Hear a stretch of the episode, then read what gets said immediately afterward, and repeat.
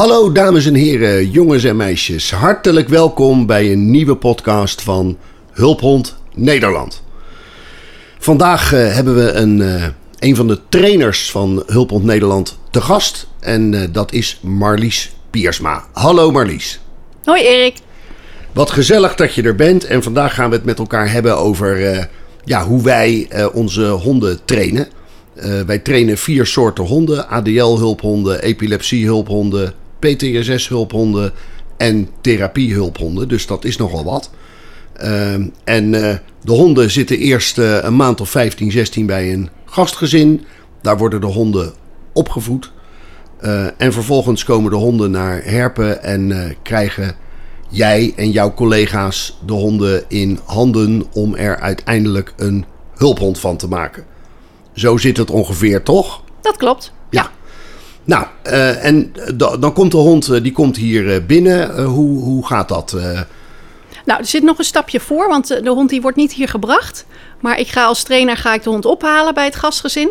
En daar is dan waarom, waarom ga je de hond ophalen en waarom laat je hem niet brengen? Nou, we hebben toch wel, eh, want we hebben het wel een aantal jaren wel zo gedaan dat eh, het gastgezin hem hier naartoe bracht. Ehm, maar de ervaring leert dat dat en voor het gastgezin wat lastig is. En voor die hond, die is dan op een vreemde plek en die, die gaat dan toch een beetje zoeken van waar is mijn gastgezin gebleven. Dus we hebben het omgedraaid en dit, ja, dit werkt gewoon beter. Dus die, want die hond die gaat ook wel eens vaker mee met iemand anders vanuit het gastgezin. En nu gaat hij dan in dit geval eh, met de trainer mee naar Herpen. Dus dat is waarom we dat zo Het is wat doen. rustiger, zowel voor de hond als voor het gastgezin. Ja, zo wat Want het is natuurlijk toch nogal wat om die hond eh, ja, in te leveren, om het zo maar te Ja, zeggen. zeker. Ja, gastgezin heeft echt eh, nou, ruim een jaar voor de hond gezorgd. Heeft alle ups en downs meegemaakt. Die zien gewoon de hele ontwikkeling van een pup. Van acht weken tot eh, ja, zeg maar 16, 17 maanden. ja. Ja. Nou, en dan, ja, dan is die hier binnen. En hoeveel honden heb jij onder je, onder je hoede iedere dag? Ik train zes honden. Zes honden, Ja. t- en t- doe je dat dan tegelijk of, of eh, pak je ze één voor één? Hoe, hoe werkt dat? Nou, als ik naar het bos ga, dan, eh, dan neem ik ze wel tegelijk mee in de bus. En dan eh, heb ik daar ook echt wel roedeltjes waar ik mee loop. Maar echt de, de specifieke dingen aanleren, handelingen en eh, nou, individuele dingen, die doe ik wel gewoon één voor één. Ja, dus dan neem ik er eentje mee en dan ga ik aan de slag en dan zet ik hem daarna weer terug in, eh, in het kennelverblijf. En dan neem ik de volgende. En, en zo'n zo'n eh, zo'n trainingssessie, hè? be- be- beschrijf eens wat je, wat je doet. Hè? Want eh, ik zie jullie altijd eh, dan met touwtjes, eh, met bolletjes eraan in de weer. En dan moet die hond eh, daaraan trekken. Maar ik zie dat jullie zo'n trainingssessie in een heleboel kleine plakjes als het ware opknippen. Eh, kun, kun je eens vertellen hoe dat werkt? Ja, nou wat je, als ik het heel simpel kan beschrijven, je hebt, we verzinnen met z'n allen, verzinnen wij inderdaad wat een hond moet doen. Dus stel je voor, hij moet een jas uittrekken. Eh, dan kan je dat op een filmpje kan je dat opnemen. Dus die hond die staat bij een cliënt, in dit geval dan de trainer. Die pakt op een specifieke manier pakt hij de mouw vast. En dan loopt hij naar achteren eh, met die mouw in zijn hand. Dat is zeg maar de handeling die je wil aanleren. En waar wij dan mee beginnen, helemaal in het begin, is een klikker aanleren. En die klikker die eh, maakt een klikgeluidje en dan krijgt de hond een brokje, een klikgeluidje en een brokje, een klikgeluidje en een brokje. En dan eh, heb je aangeleerd dat die klikker dus iets oplevert. En dan kan je die klikker gebruiken als hulpmiddel om uiteindelijk zo'n handeling aan te leren. En dat begint dan niet gelijk met een jas uittrekken, want die hond die heeft dat niet verzonnen. Dat hebben wij verzonnen. Dus dan kan je, wij gebruiken dan inderdaad, een, waar je, wat je net zei, een touwtje met een balletje eraan vast. En dan leren we ze in het begin dat ze aan het touwtje, of tenminste het balletje vast moeten pakken en daaraan moeten trekken. En met die klikker kan je hele kleine stukjes van die hele grote handeling kun je iedere keer aanklikken. Dus in het begin is dat, want die hond die, nou, die weet nog niks, hè, die pakt het balletje met zijn bek. Dan klik je en dan laat hij het balletje los, want hij weet, hé, hey, dan krijg ik een brokje. En dan ga je iets langer wachten. Dan kijk je of hij wat meer gedrag laat zien. Dus dan pakt hij het balletje. En dan hoop je eigenlijk dat hij zijn kop een beetje achteruit doet. Dan klik je daarvoor. En dan geef je daarvoor een brokje, omdat hij het balletje loslaat. Eh, en dat bouw je uit totdat hij inderdaad aan het balletje kan trekken. En dat hij ook je hand een beetje meetrekt. Dat de spanning erop blijft. En dan klik je daarvoor. Nou, je kan je voorstellen, als je dat dan uiteindelijk goed, eh, goed hebt aangeklikt en hij kent dat, dan kun je dat balletje overal aan vastmaken. Bijvoorbeeld aan een laadje of aan een deur, maar ook aan de jas uiteindelijk. En dan kan je dus die jas uittrekken. Ja. Eindeloos geduld moet je daarvoor hebben, volgens mij. Ja, ja, daar moet je wel geduld voor hebben. En bij de ene hond is dat meer geduld dan bij de andere hond. Want de ene leert gewoon sneller of, of eenvoudiger in onze ogen. Maar ja, ik vind dat wel heel erg leuk. Ja, want ik, nou ja, ik zou me ook kunnen voorstellen dat als je van nature vrij ongeduldig bent, Dat je bij jezelf denkt, eh, kom op, zo moeilijk is het toch niet? Trek aan dat touwtje. Ja, nee, dat snap ik inderdaad. Als je, inderdaad ja, als je daar geen geduld voor hebt, dan word je daar een beetje ibelig van. Ja. Ja. En ik heb dat met sommige honden ook wel. Ik denk van, ja, nou heb ik het toch echt al een paar keer op verschillende manieren uitgelegd. En dat kwartje niet valt. Maar dat is dan ook wel weer mijn vak. Ja. En dat vind ik dan ook wel weer leuk om met anderen te over te hebben. Van, Ja. nou, hoe heb jij dat dan gedaan met zo'n type hond? Is er, een, is er een school in Nederland waar je dat vak kan leren? Nee. Nee, Dus- nee dus dat leer je echt met echt- vallen en opstaan. En ja. bij hulphond eh, leren wij de mensen die in de trainingsunit terechtkomen hoe ze dit moeten doen. Ja, ja. en dat, heeft, ja, dat is echt gewoon je rugzak vullen en meters maken. En, en ja, vallen en opstaan. Ja, ja. Ja. Hey, en, en eh, nou, we, we, we- je begint al met, eh, met, met de training. Ehm, en wat, wat ik begrepen heb, is dat die honden eh, de eerste periode allemaal dezelfde basistraining kri- krijgen. Dat klopt, hè? Ja, dat klopt inderdaad. Omdat je in die eerste, nou ongeveer twee maanden, wil je eigenlijk kijken wat voor kwaliteiten een hond heeft.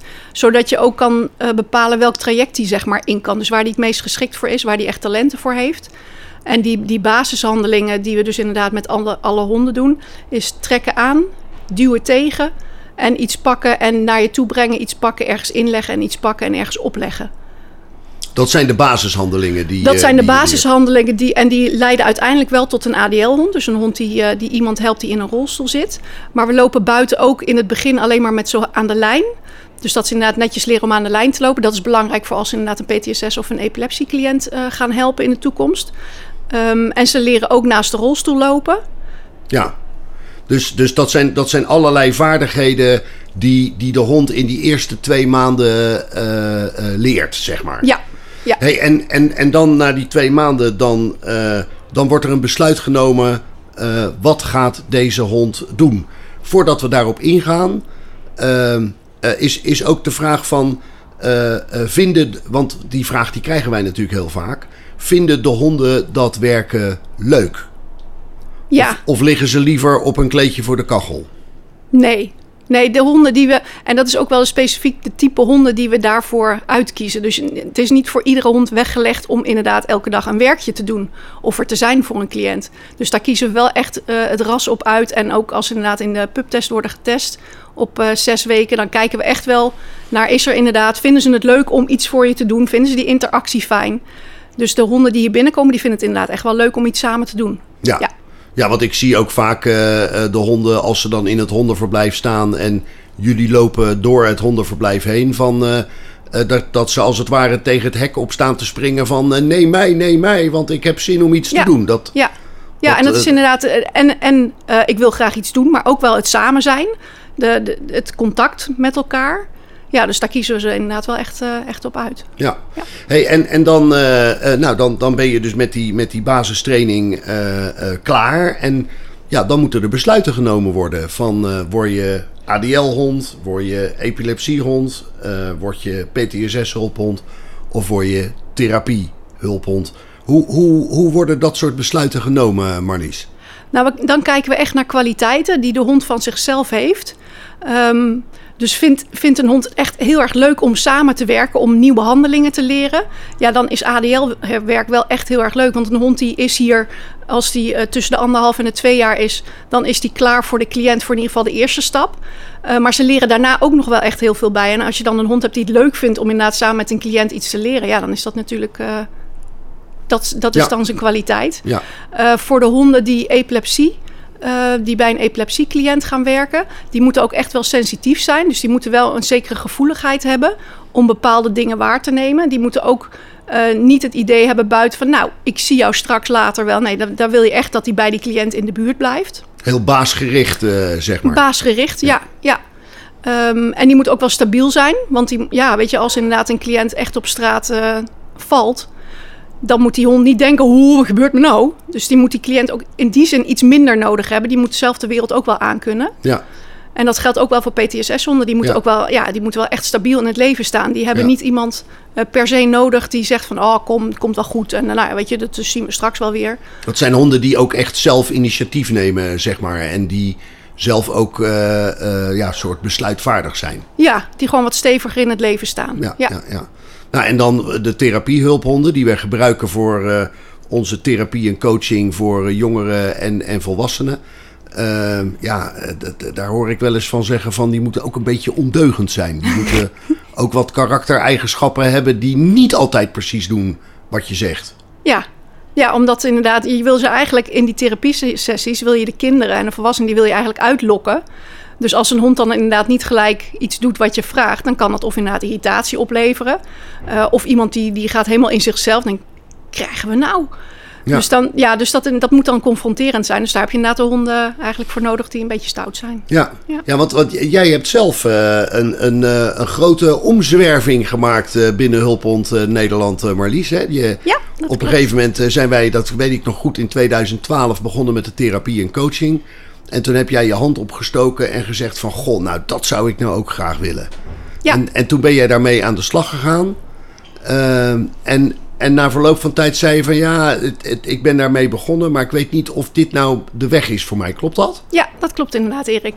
Ja, het, het leek mij heel erg leuk. En ik vind het nog steeds heel erg leuk om inderdaad die combinatie van kinderen met honden eh, te hebben. En dat ze dan inderdaad, weet je, dat de kinderen daar iets van kunnen leren. En dan heel laagdrempelig. En dat is het ook wel. Alleen ik merkte wel dat eh, de problematiek die rondom die kinderen hangt, dat dat voor mijzelf eigenlijk niet zo goed was. Eh, dus ja, toen heb ik op een gegeven moment besloten, ik kan beter alleen met honden werken. Dan inderdaad met die honden. En je nam vooral te veel mee naar huis, zeg maar. Ja, ja, ja. ja. Ja, en toen, en toen eh, wat, dat weet ik ook allemaal nog, eh, toen ben je bij de pubunit terechtgekomen. Dus, dus in die zin heb jij wel een, hele brede, een heel breed zicht op wat er met een hond allemaal gebeurt. Hè? Je hebt een, hoe lang heb je bij de pubunit gewerkt? Anderhalf jaar. Anderhalf jaar. Ja. En toen kwam er weer een plaats vrij binnen de trainingsunit. En zit je nu eh, eh, op, op de stek waar je je het meeste eh, thuis voelt. Ja, daar voel ik mij het meest senang bij, inderdaad. Ja, Ja, ja. dat klopt. Nou, dus, dus vanuit die optiek is het zo dat ook binnen Hulphond Nederland mensen heel veel initiatief kunnen nemen om op allerlei plaatsen te werk gesteld te worden. We zijn ook heel trots op het feit dat, dat heel veel trainers binnen onze organisatie, dat die eh, vaak in het hondenverblijf eh, beginnen en van daaruit doorgroeien naar een trainingsfunctie of naar een functie binnen de eh, gastgezinbegeleiding of zelfs naar een functie binnen cliëntenzorg. Want ook daar hebben we nu een voorbeeld van, van iemand die dat graag zou willen. En we geven daar ook graag heel veel invulling aan. Hey, en, en dan nou, basistraining. Dan, wat ik altijd zeg, dan komt vervolgens het allermoeilijkste stukje eh, van wat wij doen. En dat is de matching van de hond aan een cliënt.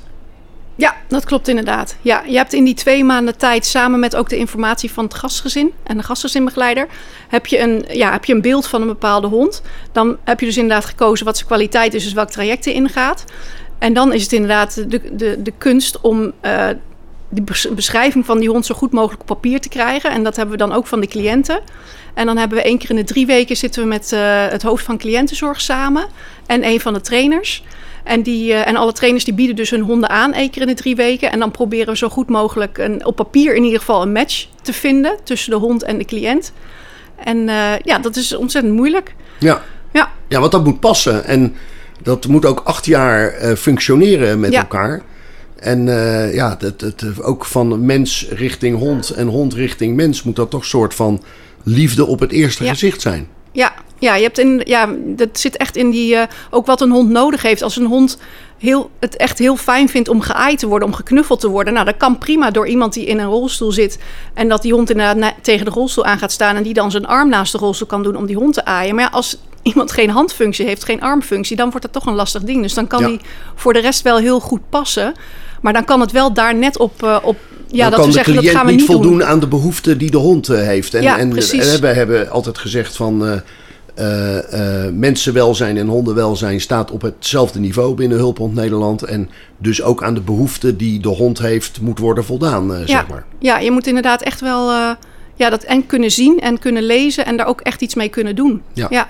Hey, en dan, nou, dan is die matching eh, gebeurd. Eh, het is liefde op het eerste gezicht. En dan eh, gaan wij een studie maken van... ja, wat moet de hond dan bij die specifieke cliënt gaan doen? Ja, dat noemen we inderdaad het maatwerk. En dat kan zijn inderdaad voor, een, voor iemand die in een rolstoel zit, maar dat kan natuurlijk ook voor een PTSS-cliënt zijn. dat er inderdaad specifiek op die cliënt handelingen worden aangeleerd. En vaak is dat bij het ADL-werk is dat het verlengde van het trekken aan, duwen tegen en apporteren. En bij PTSS is dat ehm, aan alle kanten staan, aan alle kanten kunnen lopen. En dan ga je ook wel veel op locatie. Omdat ja, voor een PTSS-cliënt is het juist belangrijk om inderdaad erop uit te kunnen trekken. Omdat hij die hond uiteindelijk uh, heeft. Dus dan gaan we met die hond ook echt wel als maatwerk um, op plaatsen oefenen waar die cliënt straks ook gaat komen. Ja, en, en hoe lang ben je dan gemiddeld met dat maatwerk uh, in de weer? Drie tot vier maanden. Ja, ja. Dus 15 maanden uh, komt die hond, uh, dan wordt opgehaald bij het gastgezin. 15, 16 maanden en dan vier maanden. Dus zeg maar op zo'n maand of 20, 21 is de hond klaar om geplaatst te worden. Ja, dan, dan is in ieder geval, een, de start is er dan. Met ja. een diploma gaat hij hier de deur uit. Ja. En dan uh, werkt hij uh, acht jaar, negen jaar, acht jaar. En dan gaat hij op zijn tiende met pensioen. Klopt, ja. Hey, en, en een beetje, beetje een, uh, een gewetensvraag, maar is, is dit nou je droombaan? Sorry, ja, die heb ik al gehad. Wat? Die heb ik al gehad. Wat was je droombaan dan? Ja, met dolfijnen vond ik wel echt heel erg gaaf. Ja. Ja, dat paste nog iets beter, maar dit past ook wel heel erg goed. Ja. Ja.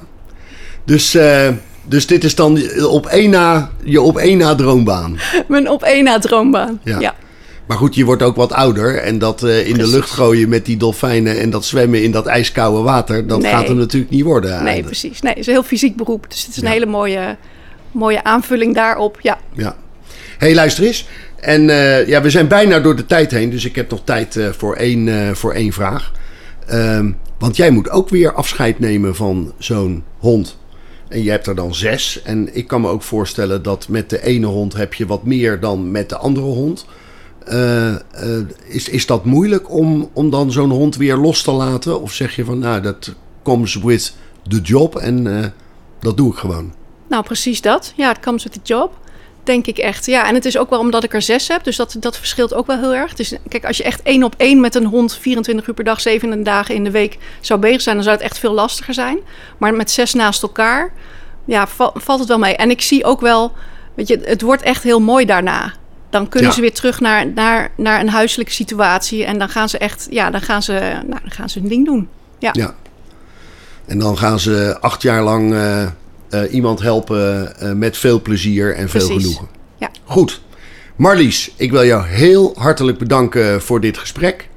En dames en heren, dit was de volgende podcast van Hulphond Nederland.